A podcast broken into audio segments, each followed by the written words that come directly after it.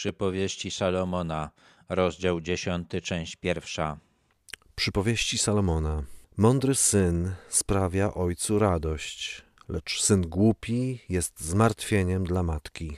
Po wstępie, w którym Salomon omawiał pochodzenie mądrości, jej naturę, sposób w jaki można ją zdobyć, przechodzi do praktycznych obserwacji i nakazów. Wcześniej dużo mówił o tym, że źródłem mądrości dla syna jest posłuszeństwo rodzicom. Teraz omawia to z drugiej strony. Rodzicom zależy na tym, aby dziecko było mądre. Jeśli tak nie jest, to rodzice mocno to przeżywają. Salomon zauważa też odmienne skłonności ojca i matki. Ojciec jest tym, który pierwszy zacznie się cieszyć, jeśli jest do tego jakiś powód. Matka pierwsza zauważy, jeżeli jest powód do zmartwienia, i pierwsza zacznie się martwić. Skarby zdobyte bezprawnie nic nie pomogą, lecz sprawiedliwość ratuje od śmierci.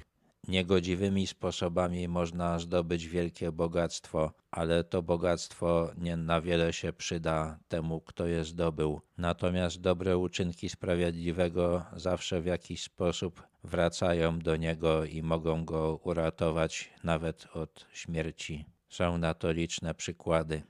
Pan nie dopuści, aby sprawiedliwy głód cierpiał, lecz udaremnia żądze bezbożnych. Sprawiedliwe postępowanie czasem może nie przynosić łatwo zauważalnych korzyści. Może się wydawać, że nieuczciwe działania się opłacają, jednak sprawiedliwy nie będzie cierpiał niedostatku, Bóg o to zadba, natomiast bezbożny przy różnych sukcesach, które może odnieść, nie zaspokoi swoich rządz, nie osiągnie celów, do których dąży.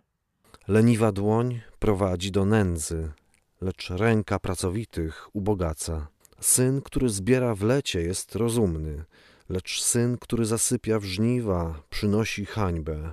Według Salomona podstawową przyczyną biedy jest lenistwo. Ludzie żyją w nędzy, ponieważ nie chce im się pracować. Pracowity prędzej czy później stanie się człowiekiem zamożnym. W czasach Salomona lato, czyli pora żniw, była tym czasem, kiedy należało pracować szczególnie ciężko, bo wtedy ta praca przynosiła największy dochód. Rozstrzygało się wtedy, czy przez cały rok będzie co jeść. Ten, kto w lecie lenił się, nie tylko gotował sobie nędzę, ale kompromitował się w oczach społeczności, ściągał na siebie hańbę.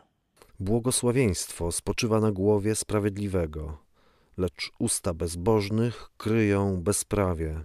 Bóg przyznaje się do tego, kto poważnie traktuje Jego nakazy. Ktoś taki doświadcza Bożego błogosławieństwa. To błogosławieństwo można zauważyć równie łatwo jak to, co człowiek ma na głowie. Bezbożnego da się łatwo zidentyfikować po tym, co mówi. Głównym celem jego wypowiedzi jest ukrycie złych czynów, które popełnia.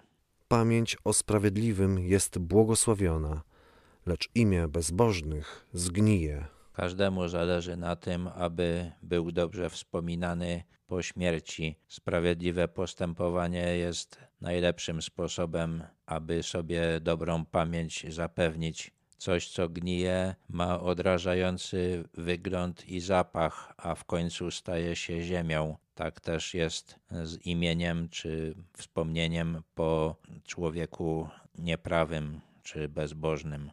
Człowiek mądrego serca przyjmuje przykazania, lecz gadatliwy głupiec upadnie.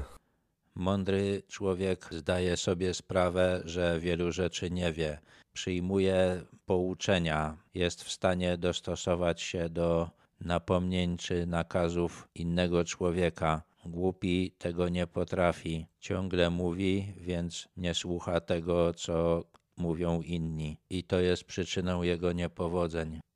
Kto postępuje nienagannie, postępuje bezpiecznie. Kto zaś chodzi krętymi drogami, będzie szybko ujawniony. Człowiek jest najbezpieczniejszy wtedy, kiedy robi to, czego oczekuje Bóg. Ten, kto pokłada nadzieję w podstępnych działaniach, ma też nadzieję na to, że nie będą one ujawnione, ale zawiedzie się. Tutaj tłumacz przetłumaczył, będzie szybko ujawniony. Inni to tłumaczą, sam się zdradzi. Kto złośliwie mruga oczyma, powoduje cierpienie, lecz kto odważnie karci, czyni pokój. Podstępne działania, ukrywanie swoich prawdziwych celów i emocji powoduje różne tiki, na przykład mruganie oczami. Drugą część tego wersetu tłumaczy się też, że ktoś taki upadnie od swoich własnych warg i wydaje mi się, że to jest właściwe tłumaczenie. Ktoś, kto działa podstępnie, nie tylko powoduje cierpienia innych, ale w końcu sam zaplącze się we własne słowa.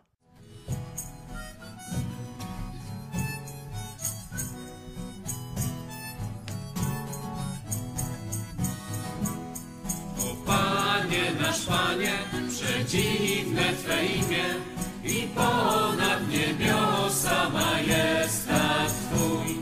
O Panie nasz Panie, przedziwne Twe imię i ponad niebiosa majestat Twój.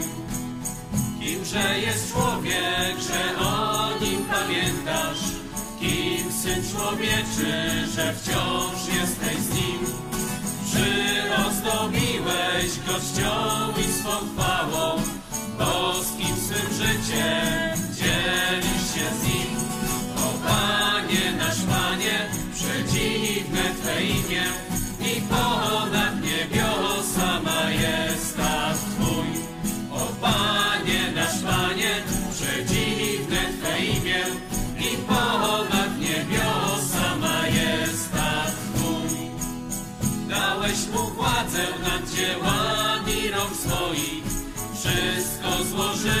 złożyłeś pod jego stopy, owce i mydło i dzikie zwierzęta i to, co płynie szlakami mórz.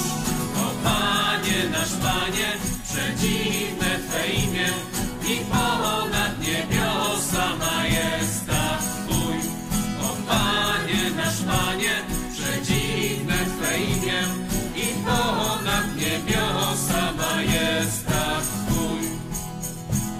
Usta dzieci śpiewają Ci chwałę, usta niemowląt śpiewają Ci.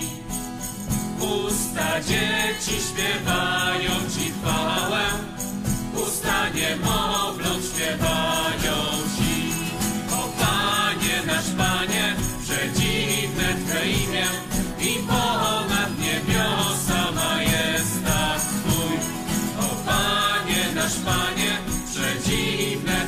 Panie, przedziwne